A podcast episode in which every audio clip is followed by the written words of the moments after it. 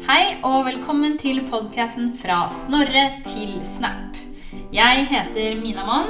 Og jeg heter Victoria Billington Sellevold.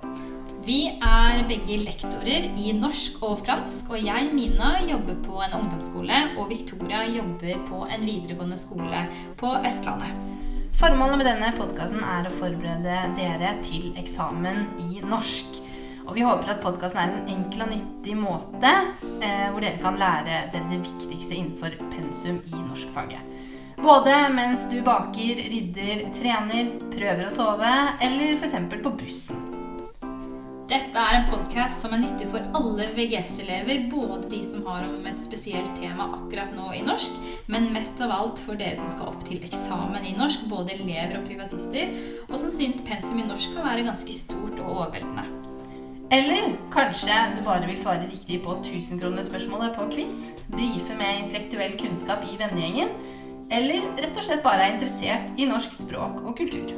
Uansett, vi håper at du lærer noe, og at du blir klar til eksamen. Hei og velkommen til denne episoden av Fra Snorre til Snap. Denne episoden skal handle om realisme og tradisjonalisme på 1900-tallet frem til i dag. Vi kommer til å bruke begrepet tradisjonalisme når vi snakker om denne perioden. Perioden starter med nyrealismen på 1900-tallet og er en videreføring av realismen som eh, starter fra 1850. Før realismen på, eh, fra 1850 så har vi da romantikken som foregående periode. Samtidig som tradisjonalismen utover på 1900-tallet, så går modernismen parallelt. Og modernismen går etter hvert også over i postmodernisme.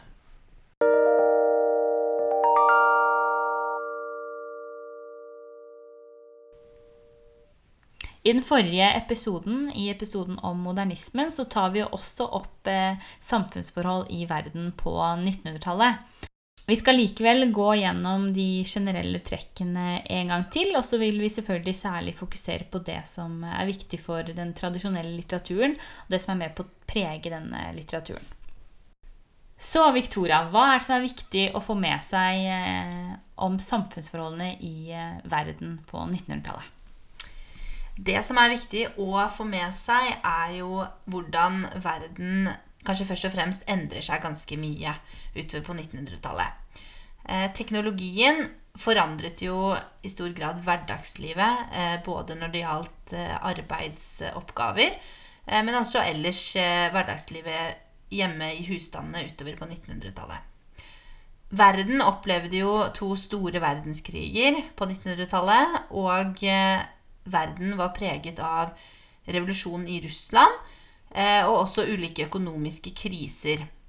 Eh, I tillegg så vokste det jo noen ytterliggående politiske ideologier eh, som vi kjenner til som kommunisme og nazisme. I tillegg så vokser det også en kvinnekamp utover på 1900-tallet. Eh, generelt er det et stort samfunnsengasjement blant folk, spesielt også arbeiderklassen etter hvert. Eh, I tillegg med denne nye teknologien så vokser det frem nye medier og medieinstitusjoner. F.eks. så får vi kinoen, og vi får eh, også radio. Eh, så mye forandrer seg raskt, og det er også en rask vekst. Bl.a. når det gjelder økonomi, globalisering eh, og spesielt massemedier eh, etter hvert. Eh, men verden er jo også preges av usikkerhet, konflikt, krig, som nevnt, og også terrortrusler. Eh, det er en usikker verden, også etter hvert med kald krig. Og eh, man får etter hvert også mange flere ukjente, truende krefter. Eh, blant annet så har vi jo nå, som man skal se litt nærmere i dag, denne krigen mot terror som ble spesielt adressert i 2001 etter 11. Eh, og også bl.a. Eh, 22. Eh, og eh, framveksten av IS, f.eks.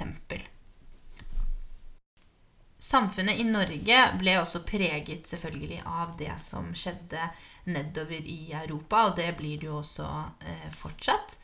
Så Mina, du kan vel kanskje si litt om eh, hvordan eh, det har vært i Norge utover på 1900-tallet? Ja, Hvis vi går helt tilbake til 1905, så er jo det det året vi blir fri fra Sverige. Og vi ser at det er et stort fokus på det nasjonale etter denne unionsoppløsningen. Og så, som i resten av Europa, så blir kvinnefrigjøringen veldig viktig i Norge. Kvinner får stemmerett eh, veldig tidlig i Norge. Og feminisme vokser eh, fram. Vi har også en eh, arbeiderklasse som bare blir større og større. Og dette fører til sosialrealisme, bl.a. i litteratur, som vi skal komme tilbake til senere. Vi har en kulturkamp mellom to ganske steile fronter, som Victoria skal si litt mer om etterpå. Tydelige politiske motsetninger blir eh, ekstra tydelige. Og landet vårt er generelt i eh, vekst. Verden er i utvikling, og det er Norge også. Etter at vi finner olje i 1969, så opplever Norge en sterk økonomisk eh, vekst. Byene vokser, Eh, på 70-tallet så er det også en opprørsstemning i Norge og i hele Europa for øvrig. Eh, og utover 80-tallet så blir eh, Norge, og også Europa, i større grad et forbrukssamfunn. Shoppe er blitt et verb. Det er noe vi gjør på fritiden. og velstanden øker i Norge. Vi kan jo også nevne medierevolusjonen. Utover 1990-tallet så blir mediene en stor del av hverdagen. Det har det jo egentlig eh, begynt å bli helt siden begynnelsen av 1900-tallet, med TV, flere aviser, radio. Men særlig på slutten av 1900-tallet så lever nordmenn og europeere generelt i et samfunn som blir bombardert av inntrykk og informasjon fra ulike medier fra hele verden.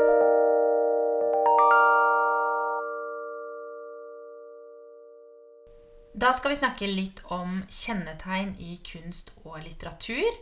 Og jeg skal begynne med å si litt om generelt eh, hvordan formen og innholdet var i denne type eh, kunst og litteratur som vi husker fra eh, modernismen, så var det jo et poeng at eh, kunst og litteratur skulle bryte med den tradisjonelle formen på starten av 1900-tallet. Men i tradisjonalismen så var poenget å beholde den tradisjonelle formen.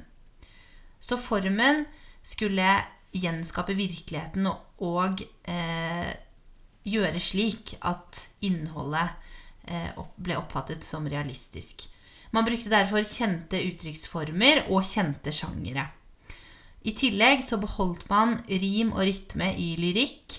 Eh, og som nevnt så var poenget at innholdet skulle komme tydelig frem.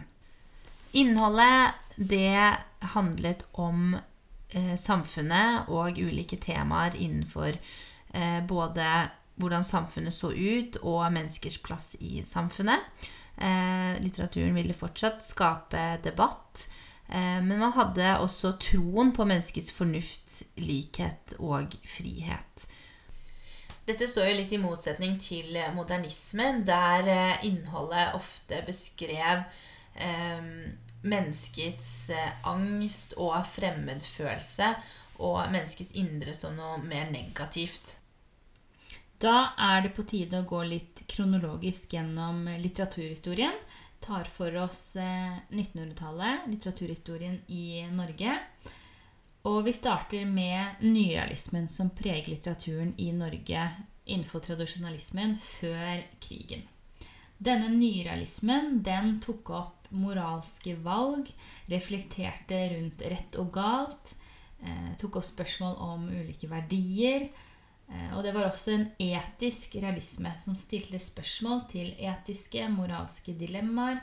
Det var ofte lange romaner om enkeltpersoner eller også slektsledd. Eh, som tok for seg en historisk epoke, f.eks., og som stilte disse spørsmålene Hvem er jeg, og hva er riktig? Og det var gjerne store, realistiske verk som ble skrevet på denne tiden. Blant annet har vi Sigrid Undset og hennes verk 'Kristin Lavransdatter'. Og her er det jo et moralsk valg som står i selve senteret av boka. Hva skal Kristin velge? Hvem er hun? Hva er det rette? Hva er det gale å velge? Så altså, nyrealismen den viderefører den realistiske skrivetradisjonen fra slutten av 1800-tallet. Det var særlig de vanskelige moralske konfliktene i det moderne samfunnet som ble tatt opp. Så for å si det kort, handling ble ofte lagt i fortiden. Dannelsesromanen var en viktig roman eh, i denne perioden. Fortellingene ble gjerne eh, fortalt kronologisk, det en kronologisk realisme. Og det var gjerne allmennmenneskelige og eksistensielle eh, problemer som ble tatt opp. Men det var særlig dette med verdier og valg og etiske temaer som sto i sentrum av disse gjerne ganske store episke fortellingene. Når det gjaldt lyrikk, så var det fast form på lyrikken. Det var rim og rytme. Og det ble mer og mer politisk lyrikk. Og det som vi kan kalle for kampdikt. Og da var det særlig Inger Hagerup og Arnulf Øverland som sto for eh, mye av disse kampdiktene. Typisk for disse kampdiktene var at de skulle vekke folk politisk, og de skulle vekke det politiske engasjementet hos eh, befolkningen. Det begynte jo å bygge seg opp mot en andre verdenskrig, og da er det naturlig at eh, litteraturen og lyrikken reflekterer nettopp dette. Men på 1930-tallet, lenge før krigen, så vokste det fram en kulturdebatt i Norge. Og Victoria, du kan kanskje si litt mer om akkurat det? Ja, det er ikke bare eh, konflikt mellom modernistene og tradisjonalistene utover på 1900-tallet. Vi husker at det etter hvert kommer en tungetaledebatt som handler om eh, hvordan litteraturen skal skrives og formidles. Men i 1930-årene så vokser det frem en kulturdebatt. Og dette er da en debatt eh, mellom de konservative på den ene siden og de radikale på den andre siden. Eh, og de var uenige når det gjaldt politikk, moral og religion. Og dette var jo temaer som preget eh, litteraturen. Eksempel så eh, har vi noen radikale, bl.a. Arnulf Øverland og Sigurd Hoel, eh, som ville ha da en ny moral og en eh, politikk som kunne frigjøre mennesket. Arnulf Øverland ble f.eks. tiltalt for blasfemi, som betyr gudsbespottelse, da han eh, hadde et foredrag som het 'Kristendommen den tiende landeplage'. Og Sigurd Hoel han skrev eh, 'Syndere i sommersol', som handlet om ungdom med et fri, frigjort syn på seksualitet. Så dette var typisk nye radikale ideer som ble slått ned på av de konservative. Og de radikale var da ofte kommunister som var tilhengere av Freud, eh, og som da kritiserte eh, den ortodokse kristendommen Eh, kirken og prester, og kritiserte spesielt det at de mente at de drev med undertrykking eh, og skapte angst da hos menneskene. De konservative var overraskende nok konservative. De var ofte antikommunister, motstandere av Freud, og forsvarte da kirken og de kristne verdiene. Så disse eh, to retningene skapte da eh, en kulturdebatt eh, som ble viktig for hva som eh, ble skrevet om, kritisert og kommentert i litteraturen. Rundt 1940-årene og utover så er det naturlig at litteraturen spesielt handler om krig.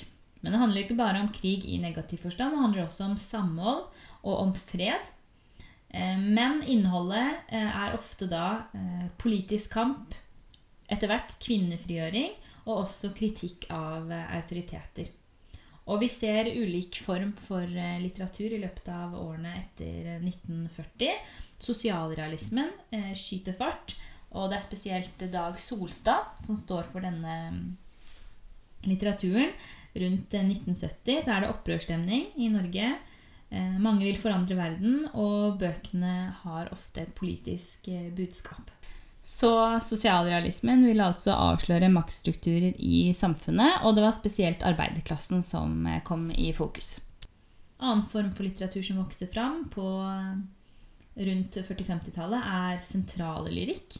Det er en ganske forståelig og harmonisk lyrikk som skiller seg veldig fra modernistisk lyrikk, og tar opp sentrale temaer og hendelser i livet, som liv og død og kjærlighet.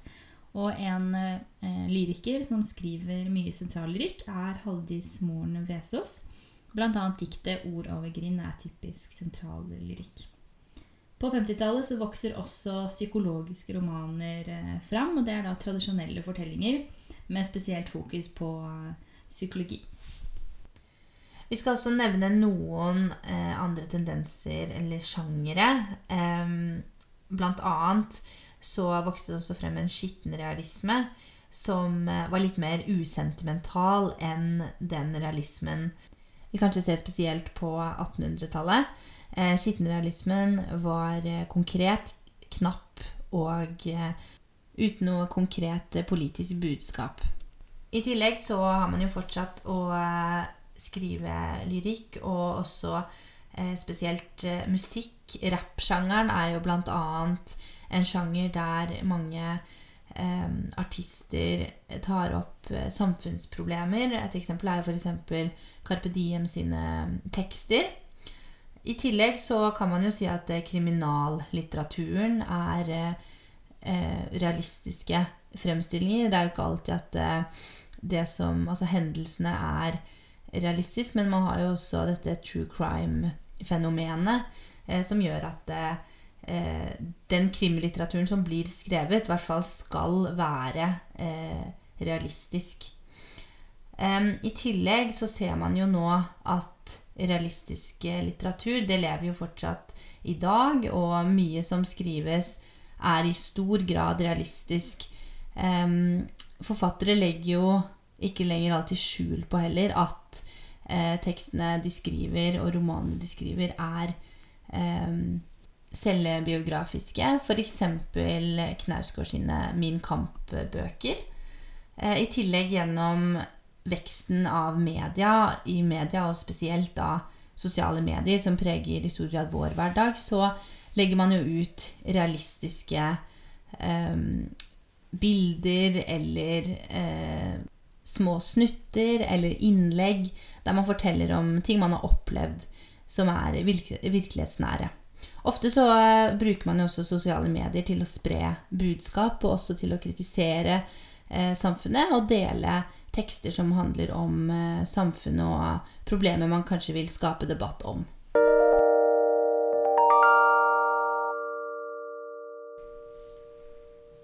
Da er det på tide å ta for oss Arnulf Øverland sitt eh, kampdikt 'Du må ikke sove'. Arnulf Øverland han var en forfatter og lyriker. Han ble født på slutten av 1800-tallet og døde i 1968. Han var en del av den eh, tradisjonelle retningen. Han kritiserte bl.a. modernistisk lyrikk, som vi nå har nevnt flere ganger.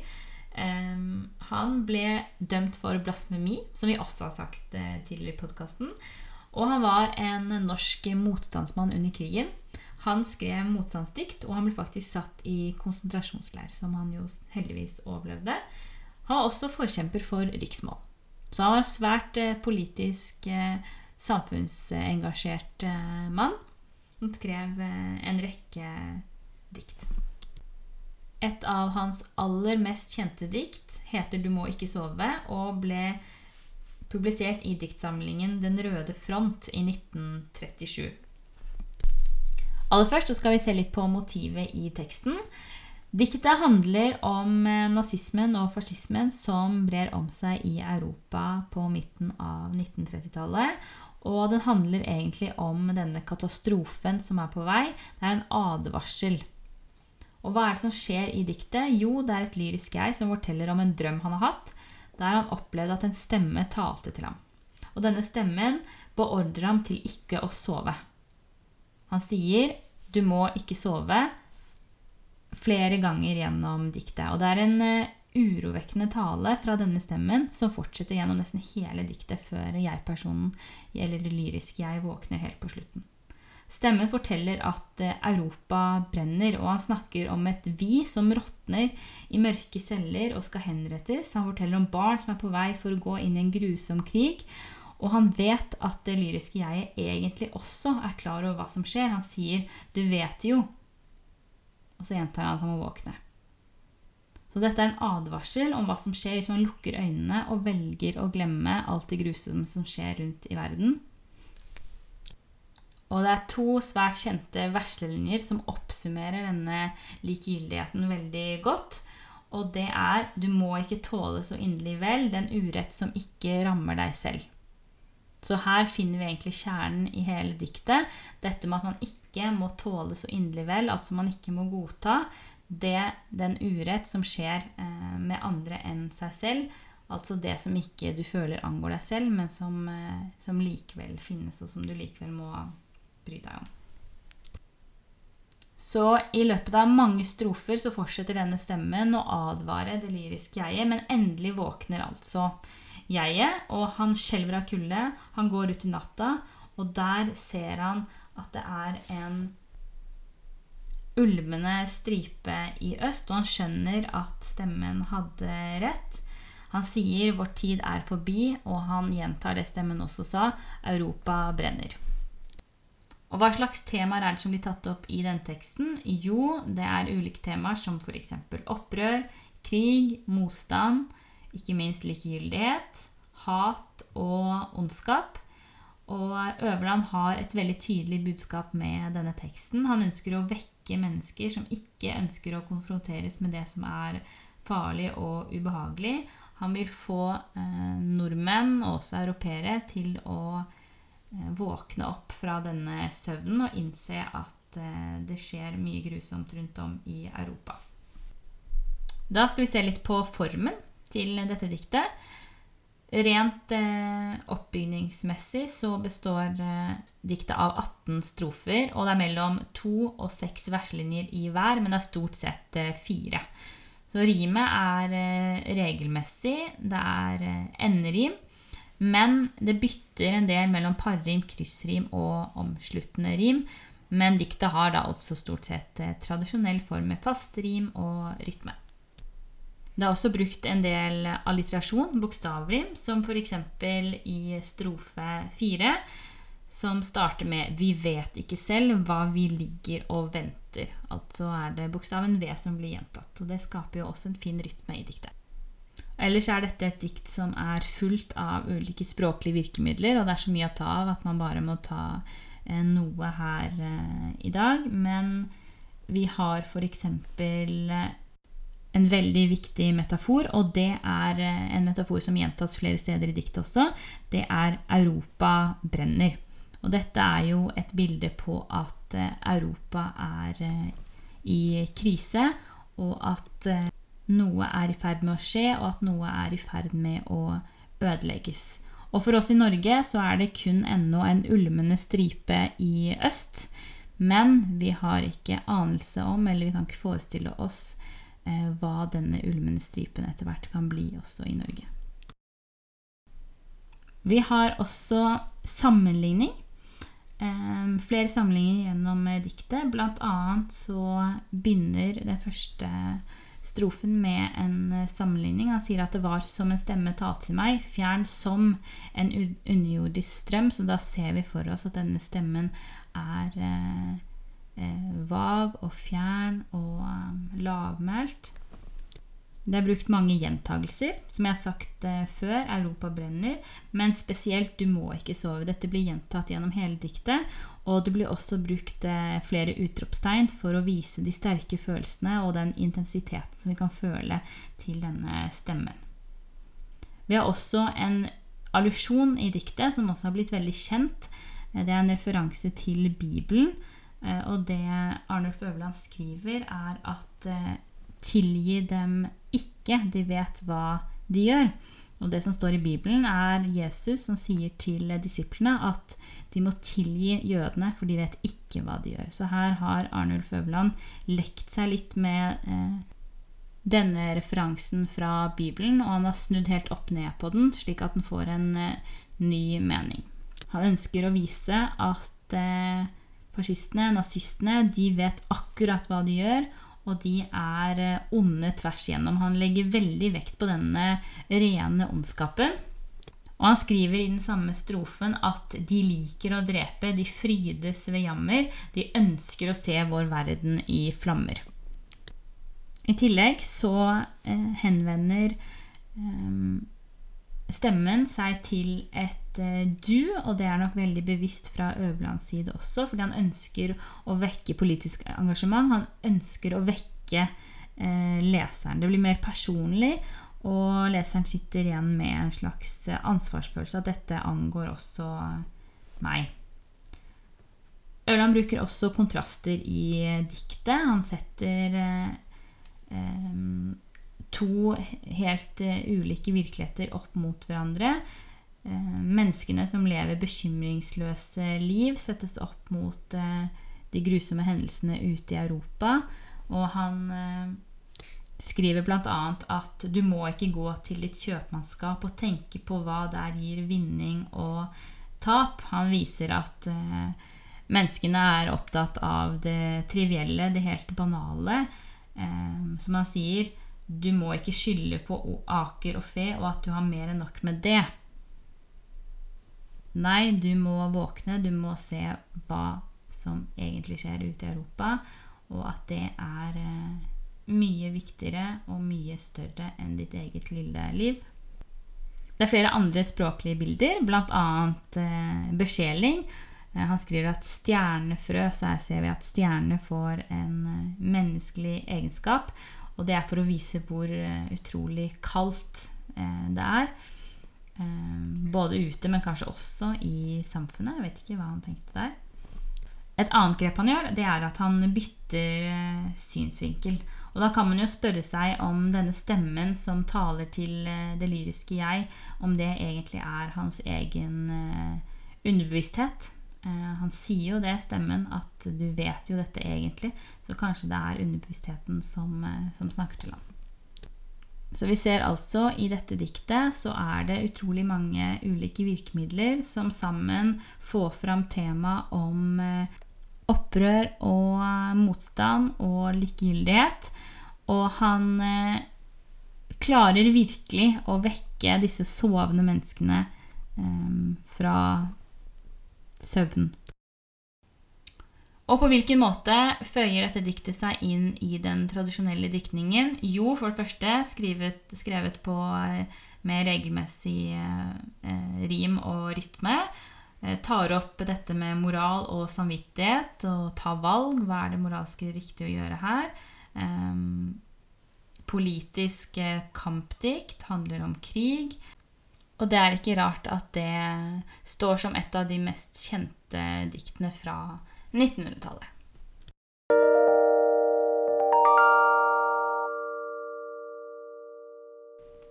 Da skal jeg snakke om novellen 'Ingenting er hendt', skrevet av Bjørg Vik i 1963.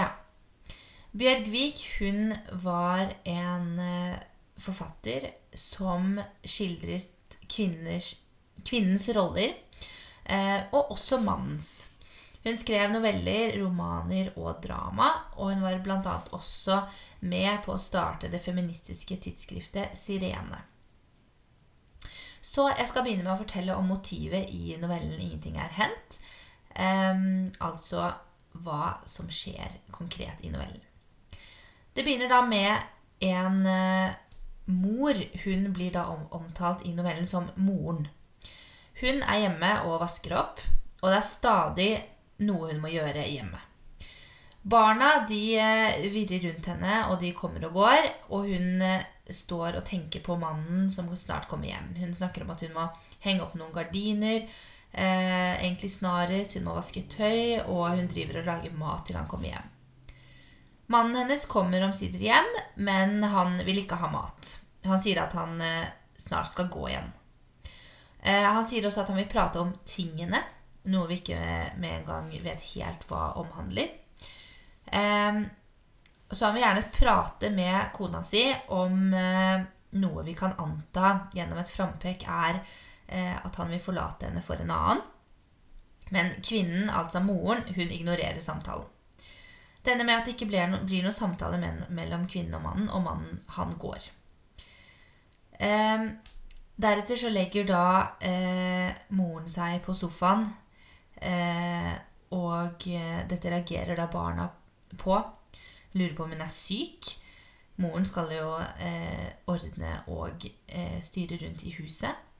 Hun setter deretter på radioen for å overdøve Mest sannsynlig overdøve tankene sine. Eh, og så sminker hun seg. Hun går og sminker seg for å eh, fikse på det ytre. I og med at det indre eh, mest sannsynlig er vanskelig for henne. Og hun eh, fortsetter da bare å vente på mannen. Så det er det som skjer i novellen. Så skal vi se litt på eh, personskildringene. Eh, kvinnen er jo da omtalt som moren, som nevnt. Det er hennes identitet. Og allerede her kan vi jo ane en viss kritikk til eh, kvinnerollen i tiden. Um, gjennom gjentagelser så kan man se at uh, hun glemmer ting. Hun glemmer å uh, vaske tøy. Hun glemmer å, uh, alle disse tingene hun skal gjøre. det blir også gjentatt at hun har vondt i hodet, og at hun trenger hvile. Eh, så dette eh, tilsier at eh, denne kvinnen er ganske sliten, og at hun samtidig har ganske mye igjen som hun må gjøre hjemme. Hun glemmer bl.a. at hun har vasket den samme tallerkenen flere ganger. Det sies også at, hun, at det er veldig viktig at hun holder maten varm før mannen hennes kommer hjem. Utseendet hennes er beskrevet som slitt og trett. Hun blir også eh, beskrevet som hjelpeløs, eh, og, at hun, og, at hun, også uttrykker en ut, usikker latter. Så man kan se at dette er en ganske usikker, eh, sliten kvinne. Eh, mannen i eh, novellen, han eh, kommer hjem. Når han kommer hjem, så, eh, vis, så beskrives det at han nikker så vidt til kvinnen, og han snur seg det vil si at han er ikke så veldig interessert i å um, høre hvordan hun har hatt det, eller prate med henne uh, i det hele tatt med en gang han kommer hjem. Um, deretter så uh, rister han oppgitt på hodet etter at han ser at gardinen ikke er hengt opp. Uh, han nevner også at han allerede har spist når hun har forberedt maten til. Um, så deres handlinger går liksom litt forbi hverandre. Um, Samtidig eh, så er det han som ønsker å prate om det han da kaller for tingene. Eh, det er nemlig en annen person også som indirekte blir eh, henvist til i novellen. Eh, denne personen blir eh, omtalt som 'den andre'. Eh, dette kan vi da anta at er en annen kvinne som da mannen har et forhold til. Vi får vite veldig lite om denne andre, men bl.a. så eh, kan man høre gjennom da, tankene til eh, moren at hun tror at den andre ikke er slik som henne, altså sliten og trett. Eh, mannen nevner også at eh, hun, som da refereres til den, denne andre, hun vil ha klarhet, hun også. Etterfulgt av 'det nytter ikke bare å tie stille'. Um, noe som vil si at han nok vil få klarhet i eh, at det er greit at han forlater eh, hjemmet til fordel da for denne andre. Man skjønner også at det er hit han reiser når han eh, drar hjemmefra. Barna i eh, novellen blir eh, omtalt som eh, ganske krevende fordi de krever ganske mye av moren. til tider så kan de også oppfattes som utakknemlige. Blant annet så eh, napper Elin, den ene datteren, til seg blusen eh, som moren eh, gir til henne. Eh, og de er ut og inn av huset eh, litt som de vil. Mens moren er hjemme og, og ordner det meste. Når vi ser på miljøskildringer, så eh, er det disse gardinene som ikke er hengt opp, som både barna og mannen kommenterer på.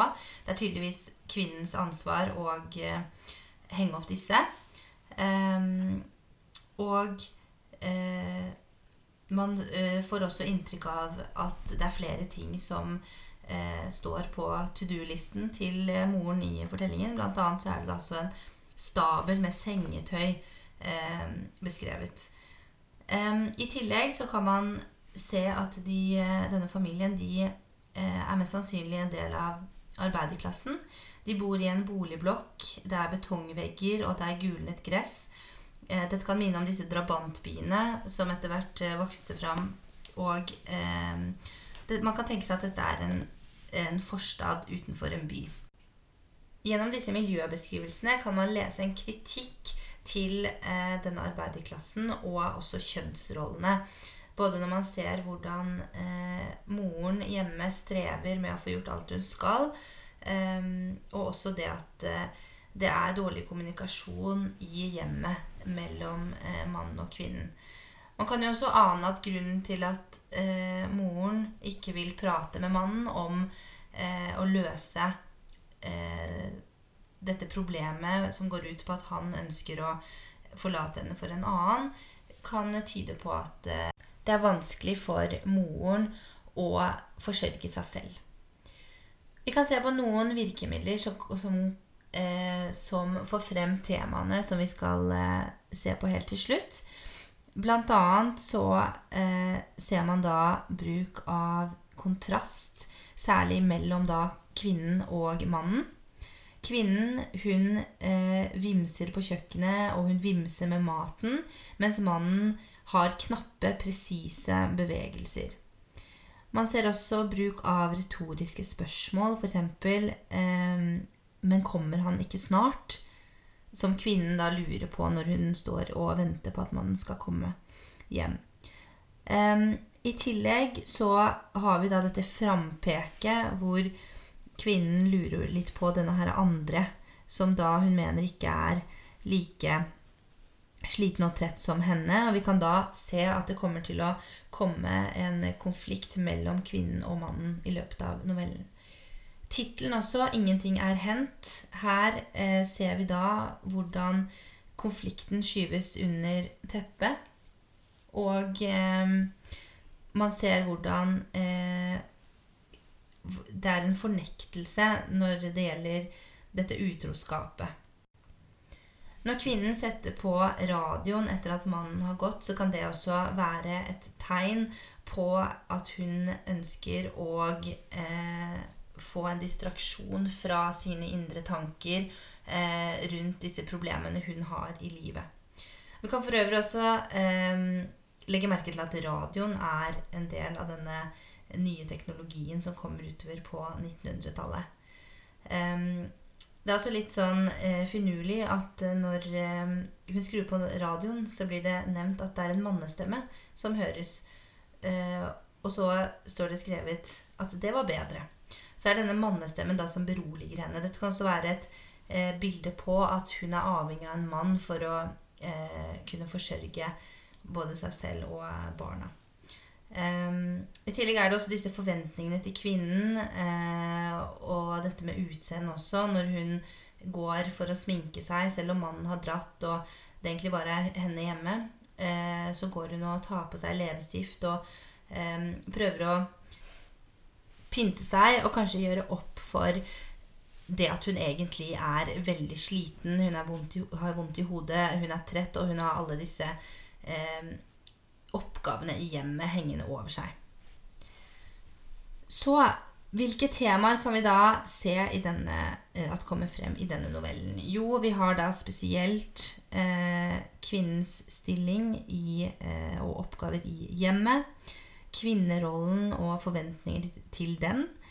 Eh, vi ser også dette med utroskap og eh, hvordan det kan skape problemer i eh, hjemmet, og hvordan det er vanskelig å eh, bryte ut av ekteskapet, og eh, også hvordan samtaler som denne er vanskelig mellom kvinnen og mannen.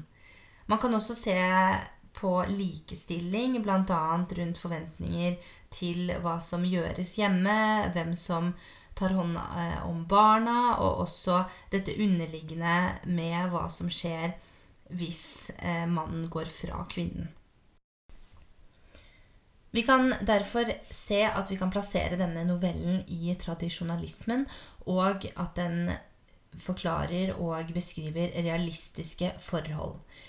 Vi ser da eh, hvordan kvinnerollen blir kritisert. Og vi kan også se hvordan mannens rolle også kan være vanskelig. Det er han som faktisk i denne novellen prøver å kommunisere og prøver å ta opp de vanskelige tingene og prate om disse, men det er heller ikke lett for han å eh, snakke med sin kone når det gjelder å løse disse problemene i hjemmet. Så denne novellen er nok absolutt eh, et utgangspunkt for eh, en samfunnsdebatt i tiden.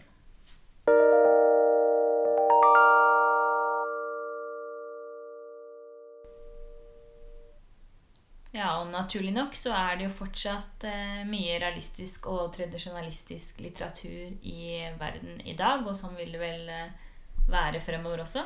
Ja, og eh, vi kan jo se det både gjennom litteratur, eh, både som romaner, noveller, og også gjennom musikk.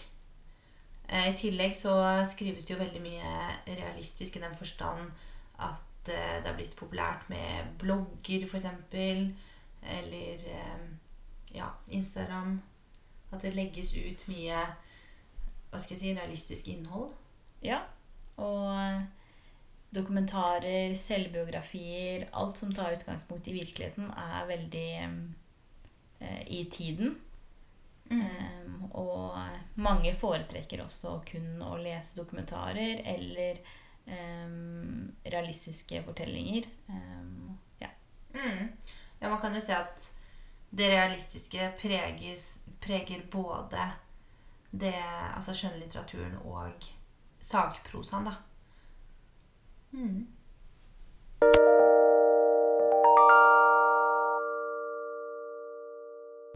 Når det gjelder relevans til eksamen og tradisjonalismen, så er det relevant og aktuelt å få tradisjonalismen som periode å snakke om på en muntlig eksamen. Ofte så kan man kanskje da eh, kalle dette for realisme, i den forstand at eh, hvis man snakker om realisme, så bør man nok nevne både realismen på 1800-tallet og realismen utover på 1900-tallet. Dersom ikke det er eh, presisert. Det er nemlig slik at eh, vi i tillegg til å bruke begrepet tradisjonalisme, så kan man også kalle litteraturen utover på 1900-tallet som en, en, fortsettelse av den realistiske tradisjonen eh, i form av da, tradisjonalisme. Så det vil være relevant da å peke på noen tekster, eh, si litt om eh, hva som var typisk i kunst og litteratur. Eh, og også skape sammenheng mellom da modernismen som går parallelt, og eventuelt romantikken som var perioden før realismen på 1800-tallet.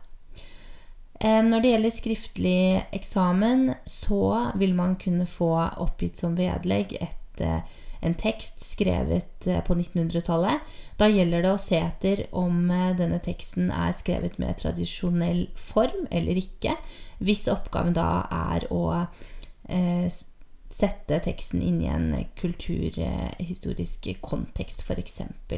En analyse av et eh, dikt eller en eh, kort tekst eller et utdrag fra 1900-tallet og tradisjonalismen eh, vil være en typisk oppgave man kan få. Det kan også være å skrive en sammenlignende analyse av en tekst fra f.eks. tradisjonalismen og modernismen.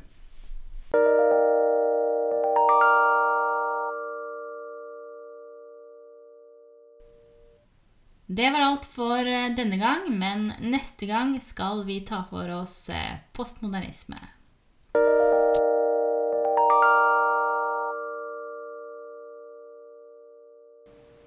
For å lage denne podkasten så har vi brukt eh, noen kilder som dere også kan oppsøke om dere ønsker å lære mer om de temaene som vi tar opp.